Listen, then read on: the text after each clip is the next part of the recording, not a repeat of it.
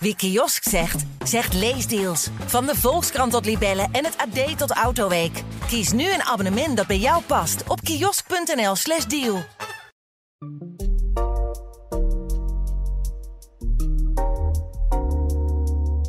Welkom bij Culturele Bagage, de wekelijkse podcast van de Volkskrant, waarin we je bijpraten over nieuwe series, films, boeken en andere popculturele verschijnselen die het maatschappelijk debat gaan bepalen of jouw blik op de wereld kunnen veranderen.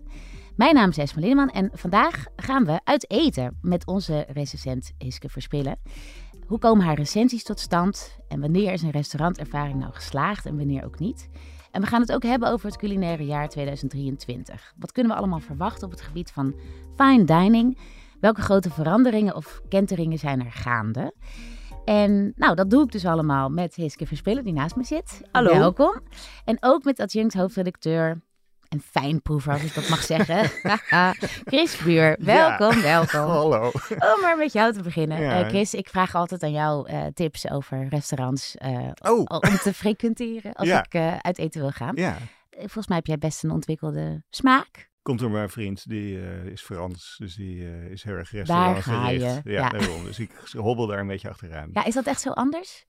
Ja, zeker. Ja. Omdat hij heel streng is. In, eh, in de, dus ik ben altijd erg van het harmoniemodel. Maar hij is altijd meteen van als de, de bediening iets niet helemaal goed heeft gedaan of te laat is, dan wordt hij heel zagrijnig. En dan vindt hij daar ook van, en dan verpest hij eigenlijk de hele avond. Dat vind ik dan weer heel Ah. moeilijk. Dus ik heb altijd het is van, ja, maar we moeten toch ook gewoon een gezellige avond hebben. Maar dan is hij meteen eigenlijk al, eh, is alles fout. Dus eh, dat is moeilijk, maar wel interessant. Ik leer er ook van. Ja, precies. En hoe ga je daar dan mee om? Of hoe, hoe probeer je die harmonie dan toch weer aan tafel te krijgen, zeg maar? Ja, dat is een, enorme balanceeract. Het is echt verschrikkelijk. Ja, nee, het is heel, heel erg moeilijk. dus ik probeer wel, ik, probeer, ik vind dat hij wel gelijk heeft. Dus Ja, dan probeer ik hem gelijk te geven. Maar Ja. dan probeer ik hem er ook van te overtuigen. Ja, nou ja, maar ja, het is toch ook gewoon leuk hier. En dan probeer ik een beetje manisch te wijzen op wat er wel goed gaat. Ik weet het niet. Je probeert van alles. Het, het lukt Maar zou wel, hè. restaurant het dan ook weer een beetje goed maken? Ja, dat kan wel, ja. Maar, de- maar dan dus bijvoorbeeld niet op de manier van, je, dan krijg je een gratis kopje koffie. Want dan gaat hij helemaal door het plafond. Dat- Dat vindt hij, dat vindt hij het allerstomste wat een restaurant kan doen. Ja, dat is Dus echt iets heel Hollands compenseren ook, met volgens een mij. gratis ding, dat vindt hij, dat vindt hij het diepst, inderdaad, het meest Nederlandse verachtelijke wat er bestaat. Nou dus ja, we gewoon gaan dan meteen de goed je in. excuses aanbieden, dat Ja. is waarschijnlijk wat je moet doen. En moet je dan nog een geste doen eh, nadat je je... Ja, eigenlijk zijn excuses eigenlijk wel voldoende en Ja. iets charmants of zo, maar niet, Ja. maar niet met allerlei eh, compensatiebordjes aankomen of zo. Ja. Ik weet het niet zo goed, maar dat, dat kan niet. hey, en wat was het de laatste keer dat dit drama zich voltrok? Of is het misschien ook soms heel gezellig uit eten gaan met je vriend? Eh, Maar wanneer nee, nou, de laatste paar keer was het eigenlijk heel gezellig. Toen waren we juist heel geamuseerd. Eigenlijk Oh. juist omdat we in een restaurant waren in Amsterdam. Dat heet Secret Garden. En dat was echt hilarisch grappig. Het was namelijk echt een soort gefiguurzaagd Dubai. en zo zat ik vol met mensen die, eh, die, laten zeggen, van plan waren dat als ze over vijf jaar eh, genoeg geld hadden, dat ze dan hun, eh, van Dubai een vaste vakantiebestemming maken. Zo zag er een beetje uit. En het was gewoon ook helemaal niet zo goed. En toch, heel, je- toch iets om heel vrolijk van te worden op een of andere manier. Omdat het zo leuk bedacht was met allemaal plastic plantenkast, planten. toch? Ja, het is- Ja. Oh, jij Je bent daar ook al geweest. Nee, ik ben er nog niet Je geweest. komt binnen en die, de, de buitendeur is al helemaal beplakt met van dat alsof, het, alsof ze zo'n groene deur hebben waar dus planten aan de muur groeien, maar dan van plastic. Oh ja, heel en leuk. dan in de hal ook meteen helemaal vol. En dan, eh, ja, he- echt heel veel ornamenten overal. Het is, het is echt heel grappig. Ja. Ja, en wel leuk. Dus heel vrolijk. Dat vind ik dan wel fijn. Nou, Hiske, eh, ik eh, stelde jou net al voor. Jij schrijft in het Volkskrant Magazine elke week een recensie. En dat doe je op echt verrukkelijke wijze. Ik denk dat er niemand is die zo smakelijk over eten kan schrijven als jij. Nou, neem bijvoorbeeld even deze passage. Dit gaat over restaurant Meven in Utrecht. En daarover schrijf je, of over een gerecht schrijf je... Prachtig is het lauwwarme gerecht van verschillende tomaten. Gepekeld als chutney, gepeld en met velletje. Alle overgoten door een heldere tomatenbouillon. Het is een ogenschijnlijk ingetogen, maar razend knap gebalanceerd gerecht, waarvan alles aan combinaties, texturen en aroma's te ontdekken valt. Er zit stuivend aromatische bergamo, limoenblad en ingemaakte gember in. Er ligt een hartige codium en andere zilte plantjes op. En we proeven ook wat zoete gembersiroop. De sommelier schenkt er opnieuw heel succesvol een Nederlandse wijn bij, namelijk de stuivende kruisbessige lange wit Sauvy van het Betuws wijndomein. Nou ja, ik krijg meteen Jeetje, helemaal hele zin om uit eten te gaan. Ja, ja maar ik, het is gewoon, ik reageer gewoon meteen lichamelijk op, jou, ja, op jouw zinnen. En ik vroeg me af, hoe heb jij dat cu- culinaire vocabulaire weten uit te breiden? En wat is daarin misschien ook, of wie is jouw voorbeeld daarin geweest? Ik ben heel erg fan van Jonathan Gold. Mhm. Hij was de eh restaurantrecensent van de LA Times en van de LA Weekly. Hij is overleden een paar jaar geleden. Maar hij heeft dat een hele tijd daar gedaan. En ik heb heel veel stukken van hem gelezen en daar heb ik heel veel van geleerd over eh, wat hij heel vaak deed, was dat hij eh, zijn recensies altijd in de tweede persoon enkelvoud schreef. Dus hij zei altijd: Je kent natuurlijk de Zuidoost-Koreaanse keuken al van de dit en dat. En dan las je dat en dan dacht je: Nou, dat ken ik eigenlijk helemaal niet. Maar ja, het klinkt wel lekker inclusief dat ik hier nu zo bijgetrokken word. En hij had. Eh, hij kon ook hele prachtige zinnen maken. Waarbij je in de- direct helemaal het, eh, de, niet alleen het gerecht, maar ook de eetervaring ingetrokken Ja, werd. Want je kunt een gerecht natuurlijk beschrijven aan de hand van wat erin zit. Wat iets is wat heel erg buiten jezelf staat. Maar je kunt het ook beschrijven vanuit wat de ervaring is van het eten ervan. En dat is iets wat veel dichter bij jezelf staat. Namelijk wat in je eigen mond gebeurt en in je eigen lijf. Ja. En, en dat vind ik zelf altijd eh, heel aanstekelijk. Omdat dat volgens mij iets is wat iedereen, ook als je bijvoorbeeld bepaalde ingrediënten nog nooit hebt gegeten, zoals bergamo of ik zeg maar wat. Ja. Iedereen kent wel die ervaring van iets eten wat je heel erg lekker vindt. Dat hebben kleine kinderen en oude mensen en eh, ook mensen die elke dag hetzelfde eten. Die hebben vast wel iets waar ze heel vrolijk van worden. En ik denk dat die ervaring van het iets eten met heel veel plezier, dat dat leuk is, omdat het herkenbaar is en aanstekelijk. En is dat dan, grof gezegd, ook waar jij op let als je uit eten gaat eh, namens de Volkskrant? Mm, of, het plezier van het eten zelf? Ja, of dat misschien denk het ik plezier wel. wat in, in, in het restaurant hangt? Ja, ja, Ja. ik vind het wel altijd. Ja, dat zijn natuurlijk. eh, verschillende kijk, verschillende dingen. Want Ja. of je ergens plezier in hebt, hangt ook heel erg van je eigen smaak af. Dus bij, bij- juist bij het recenseren ben je vaak ook heel erg bezig met hoe het gemaakt is. Dus dan probeer je er toch een beetje buiten te gaan staan van klopt het gerecht, kloppen de smaken. Ehm, maar zeker, kijk, ik geniet heel erg van eten en dat plezier probeer je ook heel erg. Nou ja, dat is dus iets wat je ervaart op het moment dat iets goed is gemaakt. En Ja. dat probeer ik ook wel heel erg over te brengen op de lezers. En jij, jij schrijft vaak over wij, toch? Of we. Ja, Eh, ik denk dat veel luisteraars en lezers ook willen weten, wie, wie zijn dat? Wie is de we? Wie neem jij steeds mee? ja. Eh, nou, ik ga eigenlijk bijna altijd met dezelfde persoon uit eten. Dat is Joosje Noordhoek. En ik heb haar eigenlijk geërfd van Johannes van Dam. Oh, ik echt? schreef, voordat ik bij de Volkskrant schreef, schreef ik voor het Parool de recensies. Ja. En voordat ik bij het Parool de recensies schreef, schreef Johannes van Dam Ja. eh, hem. En die is overleden. En Joosje was zijn beste vriendin en zijn eh, vaste eindredacteur. Ah. Dus toen ik begon met die recensies, terwijl ik heel bang was, want het was natuurlijk heel eng om hem op te volgen. Toen eh, werd er gezegd, nou waarom neem je Joosje niet mee? En dat heb ik toen gedaan en dat doe ik nu nog steeds. Dat werkt heel goed. Dus hoe lang gaan jullie dan nu al samen uit eten? Ja, negen jaar Ja. al. Wat gaaf. Ja. Ja. En, en eh, waarom is het belangrijk om iemand mee te nemen? Nou, sowieso omdat het heel... Nou ja, ik vind het niet altijd ongezellig om alleen te eten. Maar als je elke week gaat, is het gewoon toch wel fijn om iemand bij je te hebben. En ik vind het ook eigenlijk heel fijn om wel echt aan het werk te zijn. Eh, ik neem ook wel eens iemand anders mee, maar dan heb ik toch altijd een beetje het gevoel dat ik ook moet kijken of die ander het ook leuk heeft. Ja, ja. En wij weten gewoon heel goed van elkaar wat we nodig hebben vanuit een restaurant om een goed stuk te kunnen maken. Eh, dus dat werkt heel goed. We zijn heel goed op elkaar ingespeeld. Dus zij is ook echt, zij is jouw oren en ogen en ook smaakpapillen, zeg maar. Zeker, ja. En ze weet zelf heel veel van, eh, Ja. van goed eten en van koken. En ehm, nou ja, ik registreer dus altijd zo'n restaurantavond door mijn telefoon op tafel te leggen en af en toe aan te, de recorder aan te zetten.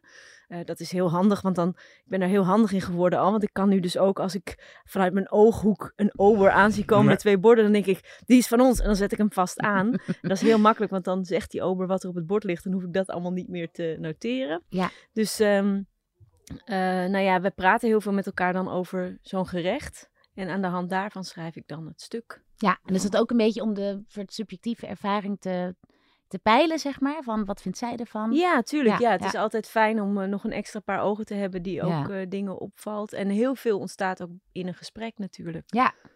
Nou schrijf je natuurlijk heel vaak uh, lovende recensies, maar minstens zo verrukkelijk zijn ook wel jouw minder goede recensies. uh, zoals deze, die gaat over restaurant Neder. Dat krijgt van jou een 5. Je schrijft, je zit dan eigenlijk al heel lang en er zijn al heel veel gangen vooraf gegaan aan deze passage. Je schrijft, sterren doven uit, beschavingen gaan ten onder en bij Neder wordt de vijfde gang geserveerd. Het is, tussen aanhalingstekens, onze interpretatie van een patatje met mayonaise en uitjes. Een lacto gefermenteerde aardappel geroosterd in boter met een saus van bakkergist en compote van zwarte shallot. En dan schrijf jij: alles wat zo fijn is aan aardappel, boter en ui is vakkundig om zeep geholpen. Het is bijna knap. Het onfrisse aroma en de taaie structuur roepen beelden op van vieze sportsokken en oude boterhammen. Nog nooit had ik een gerecht dat zo naar voeten smaakte als dit. Ja. Ja. Ja, het was ook wel echt niet lekker. ja. En, en ik ben altijd dan heel erg benieuwd. Is het moeilijk om een slechte recensie te schrijven? Heb je soms gewetensbezwaren. Of dat je denkt, ach, nou schrijf ik wel eventjes Ik vind het altijd lastig, want het wordt heel vaak gevraagd. Want, weet je, want de nadruk ligt ook heel vaak. Ik, daarom ben ik ook zo blij dat jij begon met een positieve recensie. Omdat er heel vaak ligt die nadruk op de negatieve. Omdat mensen vinden dat leuk en moeten erom lachen. En... Uh, Um, die gaan nog wel eens viral, hè? Als je een negatieve recensie ja, zeker. Ja. dat zijn eigenlijk de best gelezen recensies. Ja, zijn de mensen kennelijk heel leuk, ja. Ja, en het is qua schrijven zit er ook best wel wat leuks aan af en toe. Zoiets bedenken als met die voeten. Ja. Dat is voor een, als je van schrijven houdt, is dat leuk om te doen, om dat te bedenken. Maar tegelijkertijd is het natuurlijk ook zeker voor zo'n zaak als dit. Kijk, er zijn ook wel restaurants waarvan ik echt denk, die moeten echt een draai om de oren hebben. Want uh, dat, uh, dat is een grote chef die zich misdraagt of uh, zoiets. En dan heb ik ge helemaal geen gewetensvroeging. Want dan denk ik gewoon, ja, het is gewoon je werk om... En ze belazeren de boel. Ze belazeren de boel of ja. nou, dat soort dingen. Ja. Maar zoiets als dit restaurant bijvoorbeeld in Alkmaar. Ja, dat zijn wel gewoon jonge ondernemers die heel ambitieus bezig zijn. Die echt heel erg hun best doen. Je ziet het aan alles. Ja. maar het, het lukt gewoon niet. Ze doen het niet goed. Ja. Maar dat is niet leuk om in de krant te zetten. Het is verder geen heel erg. Uh, tenminste, het is niet dat ik met plezier denk: haha, ik zal die jongens eens even een loer draaien of nee. Nee, en hebben zij dan ook nog gereageerd? Uh, nou, ze hebben volgens mij, um, wat ik kreeg iets doorgestuurd, dat ze dus in het volgende menu hebben ze opgedragen aan hun favoriete recensent. Ah. En daar zat een dessert in dat heette de oude boterham. Oké, okay. ja, dat is uh, Omdat ik het ook eigenlijk. in het stuk een het over oude boterham had. En ja. of, of, ze vinden mij een oude boterham, dat kan natuurlijk ook. Ja. Maar het is, uh, nee, verder heb ik niks van ze gehoord. Dan kan ik me herinneren dat je ook in coronatijd op een gegeven moment het wel moeilijk vond om te recenseren überhaupt. Omdat de ja, horeca in het algemeen, maar ook restaurants het gewoon zo ontzettend zwaar hadden. Klopt ja. dat? Ja. Nee, klopt. Ja, ik ben ja. toen eigenlijk voordat de restaurants dichtgingen, ben ik al gestopt met recenseren. Omdat ik gewoon nou, niet eens alleen omdat het voor de restaurants zo moeilijk was, maar ook gewoon omdat ik zelf het idee had dat ik niet meer op een goede manier kon kijken naar wat er nou goed en fout ging. Omdat die regels waren zo lastig. Mensen mochten met minder mensen in de keuken staan. Er mochten minder mensen in de zaak staan. Dat ik echt het idee had, ik kan deze restaurants nu gewoon niet zien. Uh, voor eigen merites beoordelen. Nee, ja. dus het is, het is misschien wel meer dat dan dat ik het zo zielig vond voor die restauranthouders. Ja. Want uh, ik denk zelf dat dit moment is eigenlijk een veel lastiger tijd voor restauranthouders. Misschien nog wel dan toen. Uh, als je kijkt naar de klem waar ze nu in zitten met personeelstekort en stijgende prijzen en zo. Ja. Het is nu echt ook een hele moeilijke tijd voor restaurants. Uh, maar ik ga wel gewoon recenseren, omdat ik heb nu wel het idee dat ik gewoon vrij goed kan zien of iets werkt of niet. Maar dat was ik toen was ik dat echt even helemaal kwijt. Dat ja. ik dacht, ja, een restaurant dat gemaakt is voor 50 gasten, dat ineens op 20 gasten moet gaan draaien, ja, die raken zelf ook gewoon in een soort knel. Mm-hmm. Um, dus dat, ja, dat vond ik toen heel moeilijk. En toen ben ik vervolgens ben ik een tijdje uh, wel weer gaan recenseren, maar zonder cijfer. En stiekem wilde ik eigenlijk al heel lang een keer proberen om zonder cijfer te recenseren. Omdat dat cijfer is ook iets wat ik echt zo geërfd heb toen ik begon met die recensies. Um, maar waarvan ik ook altijd dacht, ja, waarom is dat eigenlijk? Het, het, het is ook een beetje een ding dat het doet lijken alsof ik een soort wiskundige machine heb waar ik zo'n hele avond in gooi en waar dan zo'n cijfer uit komt rollen of zo. Ja. Wat natuurlijk niet zo is. Ehm, dus ik had er heel erg naar uitgezien om eindelijk een keer zonder cijfers te recenseren.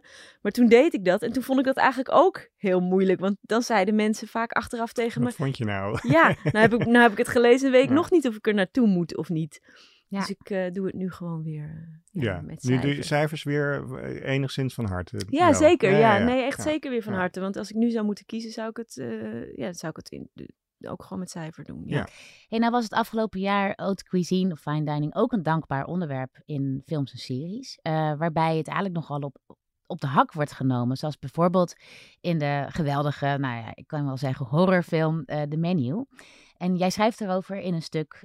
Het is opvallend hoe duister en uitzichtloos de restaurantfilms en series zijn die het afgelopen jaar zijn uitgekomen. Alsof de horeca ontwaakt uit haar jarenlange COVID-coma iets wezenlijks aan onschuld en plezier heeft verloren. Eh, leg eens uit, wat bedoelde je daar precies mee? Ja, nou, het viel mij gewoon heel erg op dat je, als je kijkt naar de films over restaurants, dus ik heb het dan niet over pure eetfilms, hè, want er zijn natuurlijk heel veel, heel veel eh, voedselporno-achtige eh, leuke eetfilms uitgebracht, maar echt als je het hebt over restaurantfilms, ehm, zijn die in de afgelopen tien jaar eigenlijk bijna allemaal heel positief geweest. Ja. Dat waren romantische films waarin die chefs werden neergezet als echte beetje bonkige types, maar wel echt jovele helden, weet je wel, ambachtsmannen. Ze zijn na die financiële crisis van 2008, zijn die chefs ook bijna letterlijk echt neergezet als een soort antibankiers, die echt iets maakten met hun handen, iets heel wezenlijks. Eerlijk. direct- ja, en, precies. eh, ja, En zelfs als er documentaires uitkwamen over topchefs die dan wel een keer af en toe een beetje schreeuwden of zo, zoals Sergio Herman, over Noma. of die over ja. Noma, Perfect Storm, My Perfect Storm heet die. Dan werd dat toch altijd werd dat uitgelegd als, ja, maar dat is dat, die genialiteit van die mannen, weet je wel. Dit is zo belangrijk en ze zijn zo geniaal. En af en toe, dan ontploft dat gewoon. Nou ja, goed, daar denken we nu natuurlijk sowieso al een beetje anders over dan alweer een paar, dan een paar jaar geleden. Ja. Maar ook dat beeld van die chef als een soort van... Nou ja, iemand die van zichzelf eigenlijk altijd gewoon een soort held is. En van restaurants als plekken waar iets oprechts en eerlijks gebeurt dat verandert op dit moment een beetje. Want dat zie je dus in de, in, in de menu zie je dat heel erg. Maar ook bijvoorbeeld in films als Boiling Point en in Pig. Gaat het veel meer uit van het restaurant als een soort toneel waarop ook eh, grote klassenverschillen spelen. Waar mensen worden uitgebuit. Waar, ehm, eh, waar, waar grote pretenties eh, zijn met belachelijke gerechten. Dus dingen over gedeconstrueerde Sint-Jacobsschelp. En eh, van die restaurants waar, de- waar je dan de gerechten hebt die dan as, hooi, prei heten of zo. Ja, ja, ja. Komma, ja, Ja. zeker. Ja. Herken jij dit ook, Chris? oh, dat zie je heel veel, ja, Ja. zeker. Maar dat, ja. Ja, Dat is al een paar jaar zo. ja, ja. Ja, en herken jij ook deze trend van films en series die zo kritisch of eigenlijk... Jawel, ja, maar ik vraag me ook tegelijkertijd af, af eh, nou ja, wat dat betreft is de Bear dan weer op een, eh, een of andere manier een uitzondering. De Omdat het Bear is een lief- eh, serie op HBO. Ja. Precies. Maar ik, ik vind het ook altijd, ik vind het, ook omdat het natuurlijk heel erg gaat over het neerhalen van pretentie en elite, vind ik het ook wel weer een beetje makkelijk altijd. Zo van, ja, nou ja, het is, het is, het is iets wat makkelijk belachelijk te maken is. Zeker. En, En, en dat vind ik altijd ook weer een beetje flauw. Eh, ja, maar het neerhalen van elite is natuurlijk wel iets wat altijd gebeurt. Maar eh, het feit dat zoiets als Noma of die, die jongens met die baarden en die tattoos, die werden binnengehaald Ja. als, oh, maar hier hebben we de echt, het echte Ja. koken en de echte chefs. Nou, die periode, die zijn allemaal volwassen geworden. En die periode dat zij als de nieuwe helden werden binnengehaald, die is volgens mij een beetje voorbij. Die is echt Ja. voorbij, ja. Maar is het, ja, precies. En Want- dat, maar, ja, dat heeft, maar dat heeft ook met een manier van koken te maken waarvan je, een, ja, zoals altijd zo'n conjunctuur is, ook in modus, dat, dat dat je op een gegeven moment denkt, ah, dit is de toekomst. Ja, En op een gegeven moment heb je ook wel weer een beetje het hele dingetje door. En dat je denkt, ja, nou weten we het wel. Eh, dus het is waarschijnlijk tijd om ook een nieuwe soort keuken te verzinnen. zeker. Ja, ik geloof ook heel erg dat je, als je kijkt naar, naar voor 2008, had je heel erg die moleculaire keuken. Ja. En dat was best wel heel cosmopolitisch. Voor de luisteraars thuis die echt niet weten wat dat is. Wat, wat Ja, betekent moleculair? Nou, ik denk dat het belangrijkste restaurant destijds was, heette El Bulli. Dat zat in Spanje. En dat is eigenlijk het restaurant dat heel erg is begonnen met koken vanuit uh. Nou ja, altijd koken is natuurlijk chemie, maar zeg maar echt het gerechten uiteenpluizen als chemie. Ze zijn heel erg begonnen met wat ze dan dat de deconstructiekoken noemen. Dus dat je gerechten uit elkaar pluist in hun losse ingrediënten. Ze zijn ook bekend om het koken met stikstof en allerlei schuim uit slagroom spuiten en allerlei dingen. Dat zijn dingen die je nu nog steeds ziet.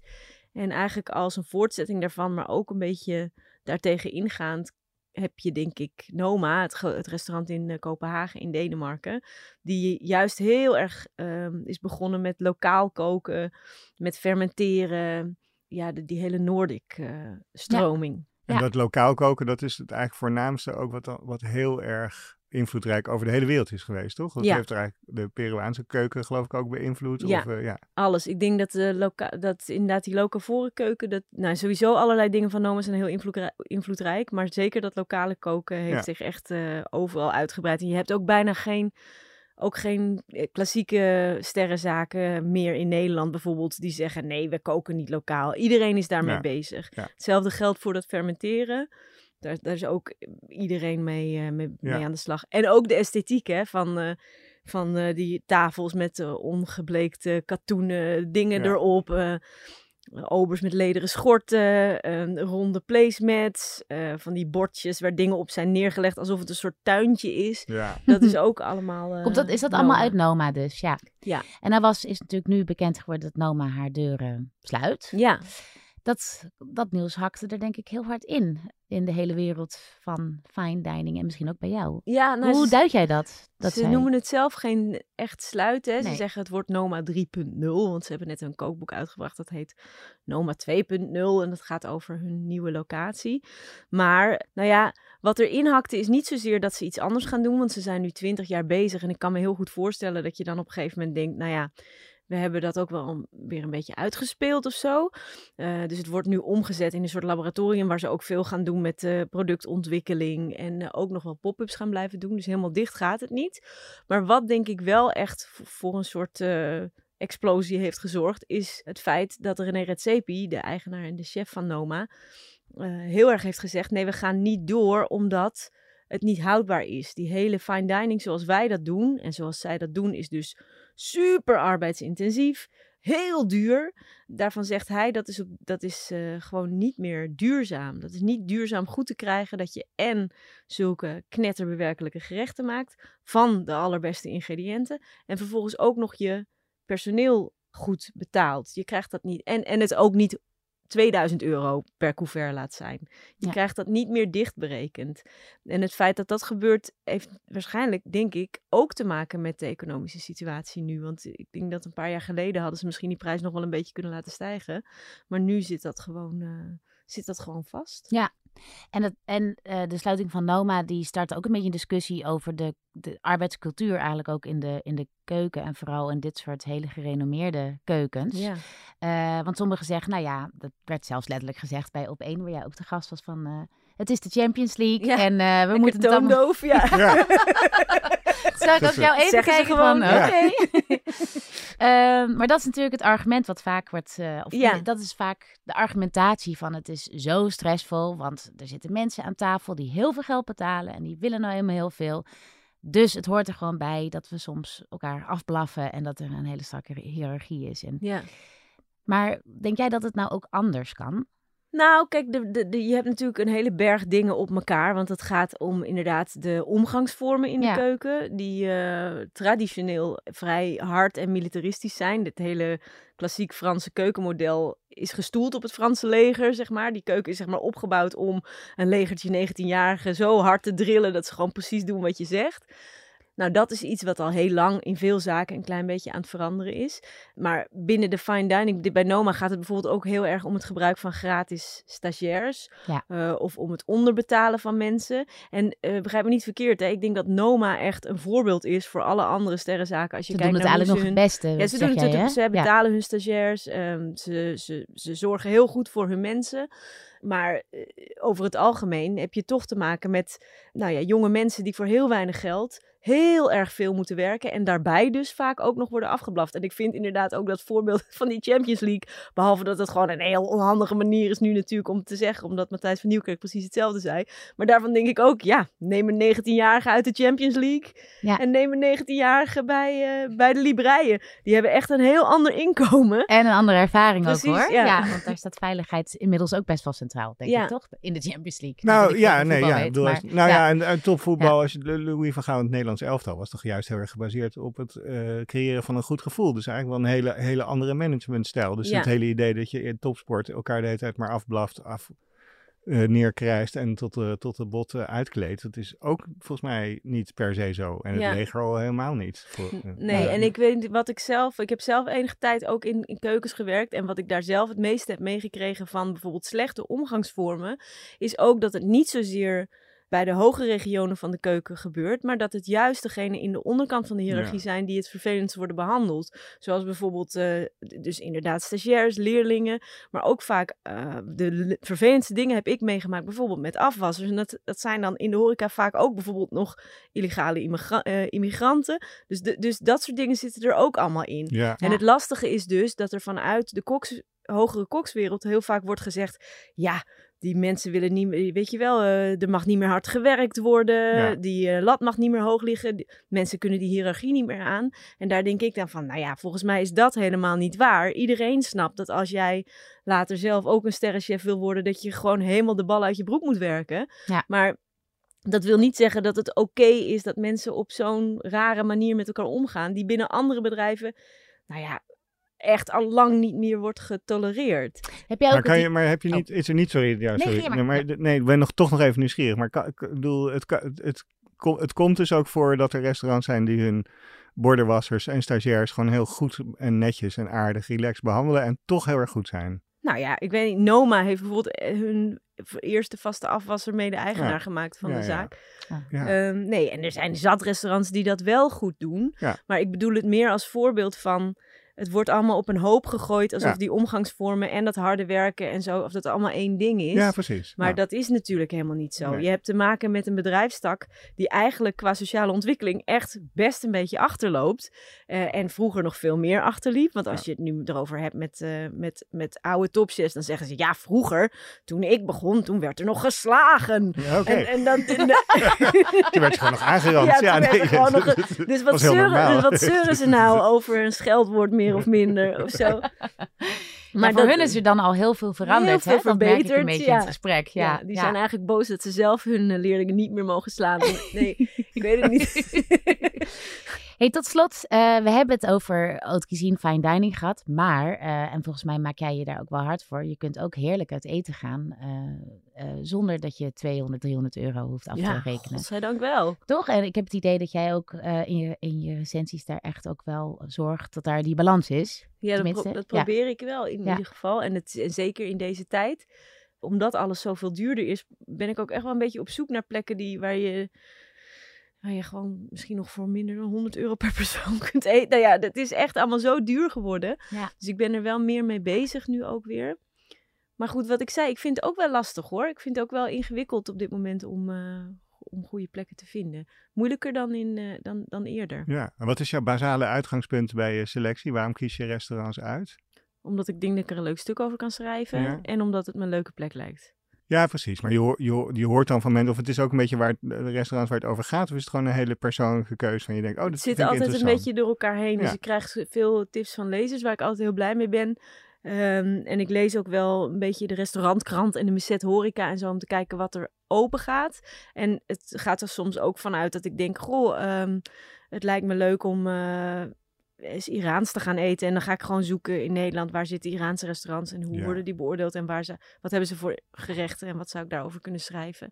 Dus dat is echt op verschillende manieren. En dan het liefst dus een beetje door elkaar. Hè? Dus dat je af en toe even iets eh, heel low-keys hebt. Of een soort van keuken die nog niet zo heel bekend is bij het grote publiek. En dan af en toe iets chics. En dan af en toe Ja. weer een eetcafé of een Ja. snackbar. Ik vond het bijvoorbeeld heel grappig om laatst dus... Had ik bedacht, ik wil een keer Pools gaan eten. Of nee, eh, Roemeens. Ik wil Roemeens gaan eten. Ik ga eens kijken wat er aan Roemeense restaurants is. En dan kom ik dus in Assen terecht bij een restaurant met een midget golfbaan die al sinds de jaren zeventig bestaat en dus Roemeens kookt. Dat ik denk, wat is dit nou weer voor plek? En dat vind ik dan ook echt heel grappig om daar dan naartoe te gaan en te kijken wat dat voor zaak is. Dat zijn dan echt van die, dat is echt zo'n unicum of ja, zo. ja. En daar heb jij eigenlijk net zoveel plezier van als Zeker, ja, minstens. super chic ergens Ja. dineren tegen de hoogste prijs misschien. Ja. Dit was Culturele Bagage, montage en redactie door Sophia Robben, eindredactie door Corine van Duin. En wil je de Volkskrant nou steunen? Ga dan voor een abonnement naar www.volkskrant.nl